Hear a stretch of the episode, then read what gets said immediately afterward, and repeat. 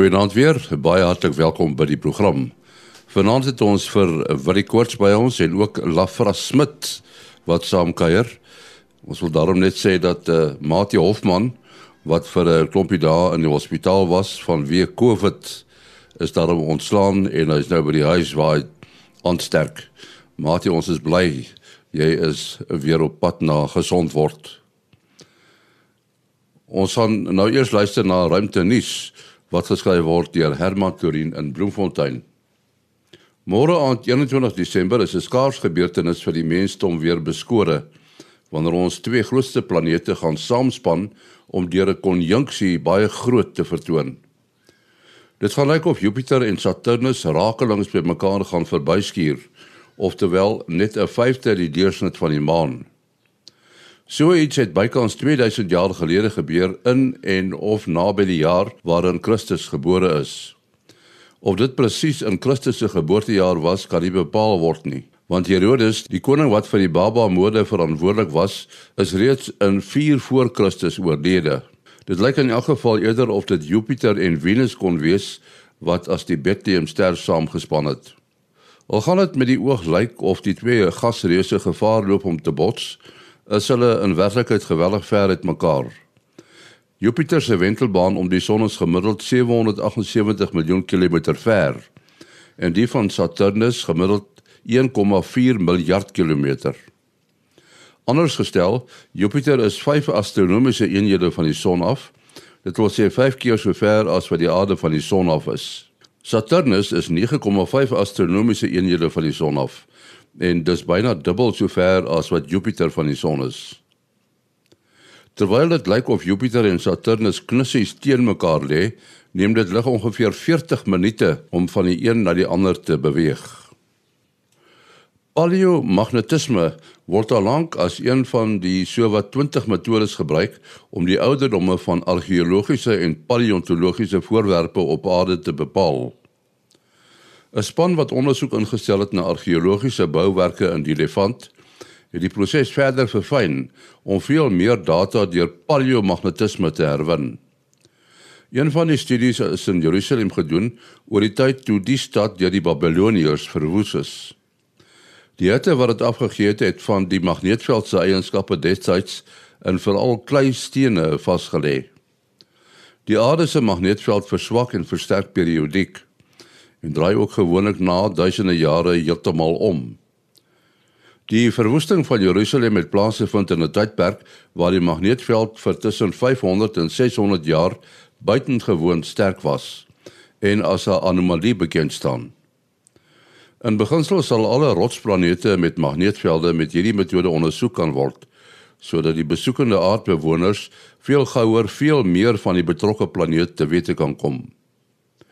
By Stanford Universiteit word dit egter as 'n wederkerige proses beskou en word al meer inligting uit paleomagnetiese bronne op ander planete getrek om meer van die aarde te wete te kom.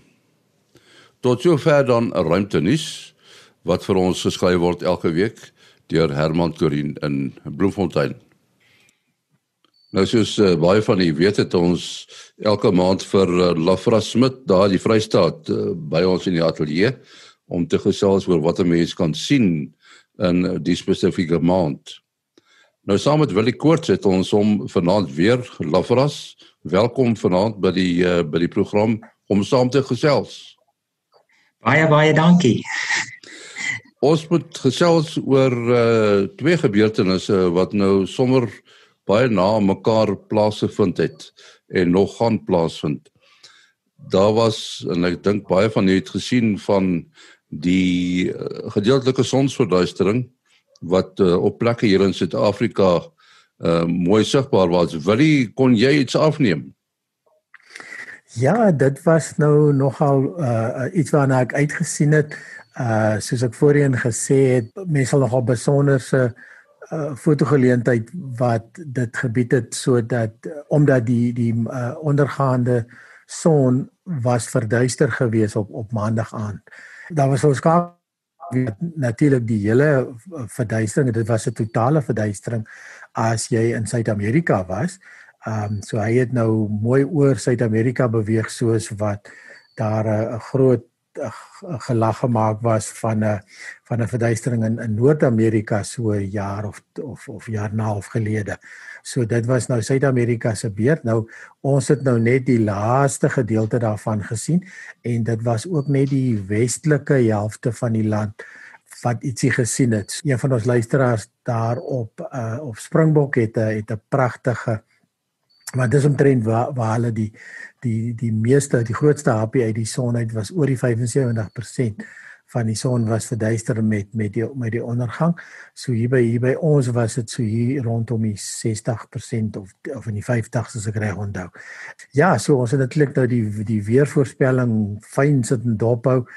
Vroeger in die dag het het uh, die bekende weervoorspelling uh, webtuiste uh, yr.no uh, het gereken nee, daar daar gaan nie wolke wees nie. Die satellietfoto's wat ons gesien het, het 'n vreeslike wolkbank ge, gewys hier aan die weste van die land. En toe sou waar, de, uh, um, dit was toe nou relatief oopgetrek hier by my, so ek het gou die vorige aand het ek gou 'n bietjie gaan rondry en kyk waar kan 'n mens nou lekker dit dit vanaf neem want jy het nou 'n goeie geleentheid hier om om nou iets interessants in die voorgrond te kry.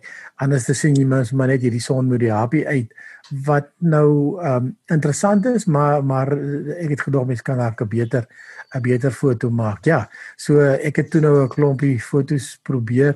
Baie van my fotos was ongelukkig bietjie oorbelig geweest want dit is eintlik 'n probleem tussen wil jy nou iets in die voorgrond sien en en teenoor hierdie helder son So dit is dit is maar effens van 'n probleem en uh, maar ek het hulle so 'n bietjie daar aan mekaar getimmer. Ek het ook 'n reeks geneem uh, van die hele van die hele gebeurtenis en sommer dit in 'n animasietjie gesit. So ja, baie baie lekker en interessante fotos 'n uh, klompie 'n uh, pragtige fotos op op ons uh, WhatsApp groep, ag op ons uh, op op ons Facebook groep natuurlik ook veral een wat ek sien ook Lefras se oog gevang het deur Johan Leroux van Gansbaai af of of die kellers nou waar hy letterlik net 'n skreefie gehad het wat die son deurgekom het uh net voor hy agter die see verdwyn het. So ja, interessante interessante dag gewees. Lefras, jy kon uh, seker ook 'n foto of twee neem. Jong, en nie ongelukkig nie. Ek het nou die son het net gesak. Ek het die verduistering toe hy nou begin het net met 'n paar minute gemis ons het hom nou die Kaapenaars het nou hierdie keer die voor voorry gehad. Nou die ander gebeurtenis eh, wat ons nou eintlik al baie oor gesels het in die program is die konjunksie tussen Jupiter en Saturnus. Jy hou dit nogal uh, baie fyn dop net of ras. Ja, nee, dit is regtig 'n besondere voorreg wat ons nou het om hierdie ding te kan sien. Ek moet dalk nou net vir die mense noem, jong, daar's nou so baie stories wat rondloop. Party praat nou van die Bethlehem ster en dit was 400 jaar laas so mooi en ander het nou gesê 800 jaar laas so mooi. Dit ek nou 'n bietjie gaan kyk en hulle is albei eintlik reg. Um, ek sal nou nie sê van die van die Bethlehem ster nie want dit is nou eintlik nie sterre nie. Dit is nou twee planete wat net in plain taal oplyn of as jy dit nou groot woord wil gebruik 'n konjunksie Nou die die twee planete wat nou oplyn môre aand, die 21ste, is Jupiter en Saturnus. Party berigte uh, gesê dit 1623 wat nou omtrent so 400 jaar terug was en dan is daar 'n ander datum Maart maand 1226. Dis omtrent nou so 800 jaar terug.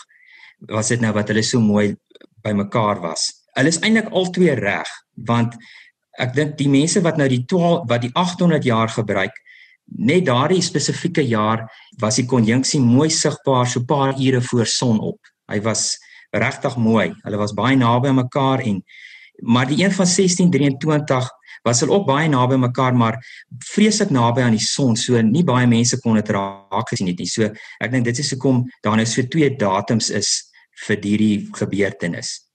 Nou soos ek laas keer genoem het, ehm um, Jupiter vat net so bietjie minder as 12 jaar om een keer om die son te wentel en uh, Saturnus se 29 jaar. So elke 20 jaar, rofweg elke 20 jaar moet die twee bymekaar verbygaan in die naghemel. Nou ja, en dit is nou juist wat nou môre aand gebeur, die 21ste. Uh ek kry baie vrae. Daar's baie mense wat nou dink o aarde, die goed gaan nou bots want hulle is nou verskriklik naby aan mekaar. Maar ons moet onthou Jupiter is in is nog steeds in sy baan en Saturnus is nog steeds in sy baan. Al wat nou maar net gebeur is hulle lyn nou op van ons soos wat ons nou van 'n van die aarde af na hulle kyk. Maar eintlik hulle is, is hulle so 645 miljoen kilometer uitmekaar. Dit so die kans dat hulle gaan bots is bitter bitter skraal. Mense sien hierdie dinge daar wonder mense daaroor. Ons het in die verlede gepraat oor daardie baie kragtige kamera wat uh, gebou is om goed in die ruimte mee af te neem. Het jy meer gaan uitvind oor die kamera? Uh, ja, daar was nou nogal intussen weer 'n uh, 'n oulike beriggie van die sogenaamde LSST kamera, Large Survey and Space of Space and Time wat 'n ongelooflike 'n uh, massiewe instrument gaan wees. Ek bedoel die ding het het amper 200 CCD's in hom. Nou uh, uh, CCD is natuurlik nou die moderne man, manier van wat in jou in jou videokamera of in jou in jou stilkamera is alhoewel daar's nou ander tegnologie ook uh sogenaamde CMOS maar ons gaan nou nie vreeslik daaroor in nie. CMOS het nou nog nie heeltemal die volwassenheid bereik om uh in in sterrekunde so sulke 'n goeie detektor te wees nie alhoewel die meeste van ons kameras DSLR kameras het het omtrent almal CMOS uh, uh detektors in. Ehm um, so daar's definitief 'n blink toekoms, maar hoe dit ook al sê, noem dit nou maar die film uh, uh van hierdie kamera is is oor 'n half meter, 64 by 64 cm waar, waar waar onder andere 189 uh CCD's uh ingeryg sit. So dit is 'n massiewe 'n massiewe stuk sensor hierdie uh, uh dit is 3200 megapixels of 3.2 biljoen pixels dan nou of miljard eintlik wat nou die regte Afrikaanse woord is sal wees. So dit is 'n ongelooflike klomp um uh, klomp data wat wat so 'n teleskoop in een nag uh, sal versamel en hy gaan gemonteer word op die 8.4 meter Vera Rubin Observatory in in in Suid-Amerika. Dit gaan natuurlik 'n ongelooflike klomp nuwe data inbring en ek luister nou al as ek praatjies uh deur ons sterrekundiges luister. Uh die ding gaan soveel inligting versamel elke nag dat dit gaan basies die hele sterrekundige gemeenskap uh, uh oorvloei met met inligting. So uh, uh, uh jy kan jy kan nou al hoor sterrekundiges praat van wanneer die die uh, LSST uh, op lyn kom uh stel ons so en so en so kan maak en so en so kan ontdek en ons het ook 'n luisteraars uh, vrae gekry deur John Little en um en hy vra toe nou juis van hierdie hierdie kamera hy vra nou van van hoe hoe word dit vervaardig en hoe toets hulle dit byvoorbeeld? Uh, uh die resolusie en dan die koste en en hoe en hoe word dit nou gekoppel? Ja, soos 'n tipiese wetenskapkamera word hierdie CCD's dan nou nou op 'n op 'n op 'n silikon skyfie uh word hulle vervaardig en dit is dan nou ook 'n bietjie 'n verskil tussen CMOS en en CCD wat ook die koste verskil is, maar dit's miskien bietjie te te veel tegnies vir vir, vir die program maar hoe dit ook al sê en dan wat interessant is dan uh op die op die uh, silikon skyfie elke detektor sal hulle eers toets voor hulle die skyfie opsny en en die en die die CCD's monteer. Ehm um, so hulle noem dit wafer testing, so dan is daar pennetjies wat inkom koppel op die verskillende plekke waar waar die uh CCD moet krag kry en waar hy moet uitlees. Ehm um, gee vir hom krag en en kyk of elke CCD werk. En dan natuurlik die wat dan nou uh, uh wat nou werk word dan nou verder geneem en hulle word dan gemonteer en dan gaan hulle ook deur 'n hele toetsproses ehm um, waar hulle self dan af van, van die tipe toetsing wat benodig word maar baie maal koel hulle hulle self af en en skyn lig op hulle en toets hulle eers elektries en daarna opties. Dan word hulle ook gegradeer. Ehm um, die wat nou defekte op het uh, word uitgegooi. Uh die wat allerlei elektriese steurings uh, het wat uh, bo kan die grens is word uitgegooi en dan word hulle geklassifiseer. Nou die die tipiese uh, CCD's wat ons in sterrekunde gebruik is klas 0. So dit is dit is beter as klas 1 of klas of 2 of 3 so hoor die klas hoe hoe swakker is die is uh, CCD eintlik. En uh, natuurlik dan net die bestes uh, vind uiteindelik hulle pas hulle pad in in so 'n wetenskapkamera in. Um ek is nie presies seker van die koste nie, maar as ek nou net dink tipies die um CCD's wat ons gebruik, uh bietjie hulle is bietjie groter as hierdie en en hulle kos so in die omgewing van 4 miljoen rand. So daai 200 amper 200 CCD's gaan nog al 'n stewige prysie vir wat hulle wat hulle altesaam gaan kos. En dan die vraag oor hoe hulle gekoppel word natuurlik 'n CCD is is 'n ingewikkelde 'n ding om om uit te lees. En en in sterkende doen ons nog wat ons noem slow scan ook. Dit is ook weer 'n heeltemal 'n tegniese ding wat wat, wat miskien nie nou tyd vir dit nie maar dit is natuurlik om om nog uh, beter inligting uit hom uit te kry, minder geraas ensovoorts en en so elke CCD word dan aan 'n beheerder ge, gekoppel wat dan elkeen individueel uitlees. Uh natuurlik met so 'n klomp CCD's gaan jy dit in parallel doen. So jy gaan 'n klomp van hierdie beheerders hê sodat die beeld nou nie vir ewig vat om uit te lees nie. Ek wil net vir jou vra, wil jy uh, jy het gepraat van afkoeling, gebruik hulle tipies stikstof? Daar is 'n hele reeks goed wat hulle daar gebruik. Ja, in die ou tyd het ons uh, vloeibare stikstof gebruik. Vloeibare stikstof is so minus 200 grade Celsius. Ons koppel ons uh, uh, koel ons CCD's uh, nie so koud af nie. Uh, ons infrarooi CCD's word wel daarby uh, tot by daai temperature afgekoel, eintlik self nog kouer, maar ons ons CCD's is gewoonlik so by die minus 120 grade. Ehm um, en dan en die rede daarvoor is natuurlik ook om die elektriese geraas te verminder. Maar daar's 'n hele reeks uh metodes om om CCD's af te koel. Daar hang ook af van die uiteindelike temperatuur wat jy wil bereik. Baie van die amateur CCD's word met 'n sogenaamde Peltier koeler afgekoel. Hulle kan so -80, -90 bereik baie maal. Um en dan het jy allerlei meganiese stelsels. Um uh, CryoTiger is is een van hulle wat die baie dieselfde prinsip wat in jou yskas gebeur uh, dit lyk soos 'n gewone yskas kompressortjie daar agter en uh, hulle gebruik baie spesiale gasse en dan hulle ook 'n um, ehm, baie spesiale manier hoe hulle die gas wat inkom na hy gekompres is uh, wat dan afgekoel word en dan word hy ook vooraf gekoel voordat voordat hy vrygelaat word om om hierdie laer temperature bereik. En dan 'n ander tegnologie is sogenaamde uh, closed cycle coolers wat wat ook al vir baie jare in die industrie gebruik is en 'n nuwer een is 'n sogenaamde Stirling cooler. Lafras, uh jy het nou die aand 'n uh, baie mooi foto daarvan uh, onder andere die perdekop nevel het jy geplaas op uh, Facebook. Ek wil net hoor by jou, hoe besluit jy waarna gaan jy kyk want jy bring nogal heelwat tyd by jou teleskoop deur. Dis baie keer moeilik want ek veral nou ek word vreeslik gepla met wolke. Nou nie dat 'n boer ooit kla oor wolke nie en reën nie maar uh baie keer is dit baie aande dan moet jy nou maar het jy nie 'n keuse nie dan jy kan jy net of oos mik of suid mik waar daar 'n gaatjie in 'n wolk is en uh ja en dit is maar meestal veral nou so in die somer wat mense waar voorwerpe wat ek nou wil afneem word die keer word die besluit vir my gemaak as ek dit so kan stel. Daar is nog 'n brief wat ons ontvang het van uh,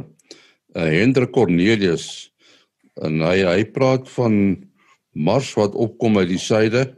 Nou weet ek nie of dit heeltemal reg is nie want hy kom uit die uit die ooste op amper dan af hoe, hoe dit lê. Maar hy sê dit vorm 'n ander prentjie is vroeg dieselfde aand. En hy sê dit is moeilik om alles uh in te stel, maar as asof daai deel na Mars 'n ander patroon vorm wat strek tot in die ooste elke aand kom met later op soos gisterand om 12 uur. Uh ja, so die brief is ook nou al hy kom al uit die van die 8de November af. So intussen het die het die hemelruim ook 'n klein bietjie verander natuurlik. Um en en uh en op daai stadium het was dit nogal so dat dat dat noem dit nou maar voor Mars en na Mars het die het die het die hemelruim nogal verskil. En die die groot verskil was op daardie stadium um, voor Mars was jy het jy eintlik heeltemal weggekyk van die Melkweg af. En en na Mars kan jy maar amper sê uh, uh, die die Melkweg begin te, begin te opkom. Wat natuurlik beteken die sterre is nader aan mekaar daar's daar's meer helder sterre. Uh, hy sê eintlik drie susters hy streep konings. Natuurlik drie susters is 'n dorp in die Karoo en die drie konings is die is die Orion se se se gordelsterre eintlik 'n sewe susters daar in daai omgewing Ja, en hy praat hier van 'n lang boogsterre en so aan. Ja, so dit is dan nou weer wanneer dit begin te interessant raak. En intussen het die het die spul natuurlik nou mooi begin opkom. Orion is nou is nou amper op met met sonsondergang. So ek dink eintlik wat wat hy hier opgelet het is is juist die vermeerdering en die verdigting van sterre soos jy nader aan aan die Melkweg gedeelte beweeg.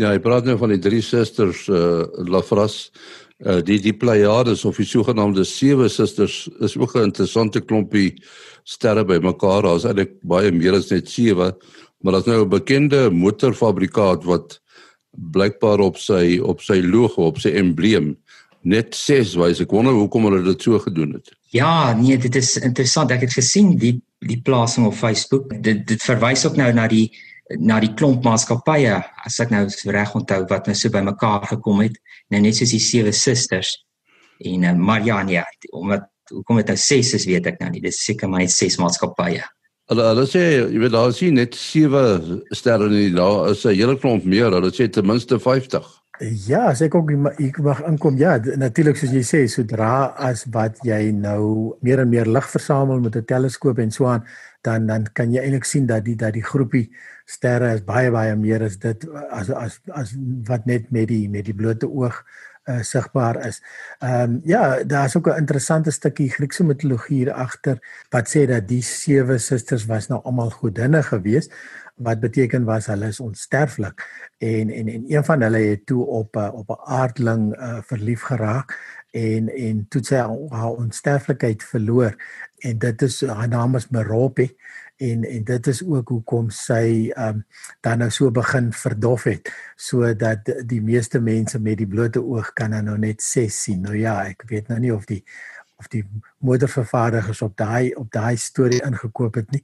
Maar uh, ja, dit is altyd 'n interessante die mitologie baie maal met wat jy kan werklik sien. Ja, ook interessant. Uh, ons het al daaroor gepraat.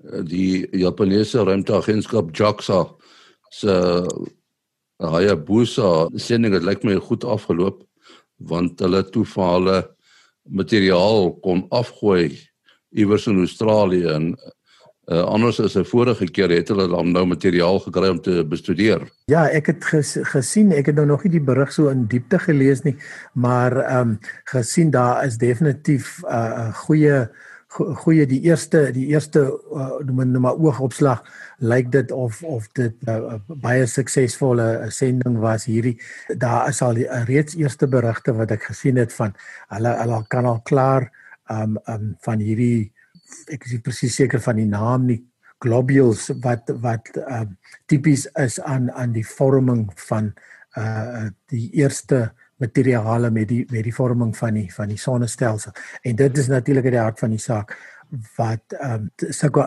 asteroïde uh, navorsing baie belangrik is vir want dit is die oer oer materiale waaruit die sonnestelsel ontstaan het wat jy hier kan bestudeer. Nou Frans, jy is nou 'n amateursterrekundige. Uh, vertel net vir ons uh, watter teleskope ek, ek sien jy het 'n Dobsonian. Wat is die ander een? Ja, en nie, ek het die, die my ou ou getroue ou teleskoop, die ou Skywatcher 10 duim Dobsonian wat ek op gewoonlik ja, hy's op sy Dobsonian montering en dan het ek net voor ehm um, die inperking, gelukkig net voor die inperking het ek by iemand 'n tweedehandse Celestron 11 duim gekoop. Uh, ja, oorgeneem by hom.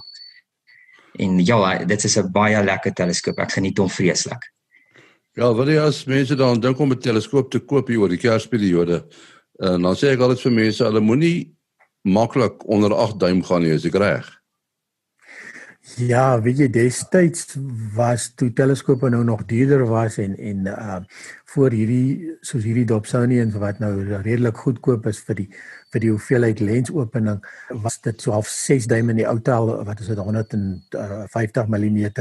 Uh, uh, ons praat eintlik altyd van 'n teleskoop se grootte en dan kyk ons maar net na sy lensopening want dit is wat nou belangrik is vir sterrekunde hoeveel lig jy kan versamel. Maar ehm um, teleskope het ons as kyk 'n 6 duim of 150 mm teleskoop gaan jou ver bring. Uh jy gaan jy gaan jy gaan 'n hele 'n hele lang tyd kan besig hou met alles wat so 'n teleskoop kan wel sien. Die die pryse het me begin te afkom en en veral met die uitvinding van die Dobsonian montering uh wat uh, toevallig vernoem is na dit met die naam van John in, in Amerika uh, uh wat die San Francisco Sidewalk Astronomers of, of uh, association of iets begin het wat hulle vir mense letterlik op die sypaadjie teleskope opgestel het en en en en hulle belangstelling gekry het. Uh, uh eenvoudige goed gebruik soos die die bodem van 'n 5 gelling waterkan glas wat hulle gebruik het om die spieëls mee te sluit. Die die eenvoudigste maniere van van konstruksie van 'n teleskoop wat ehm um, maar die die eintlike ehm um, voordeel van die teleskoop was die tipe montering wat hom baie stewig gemaak het uh vir 'n baie eenvoudige montering.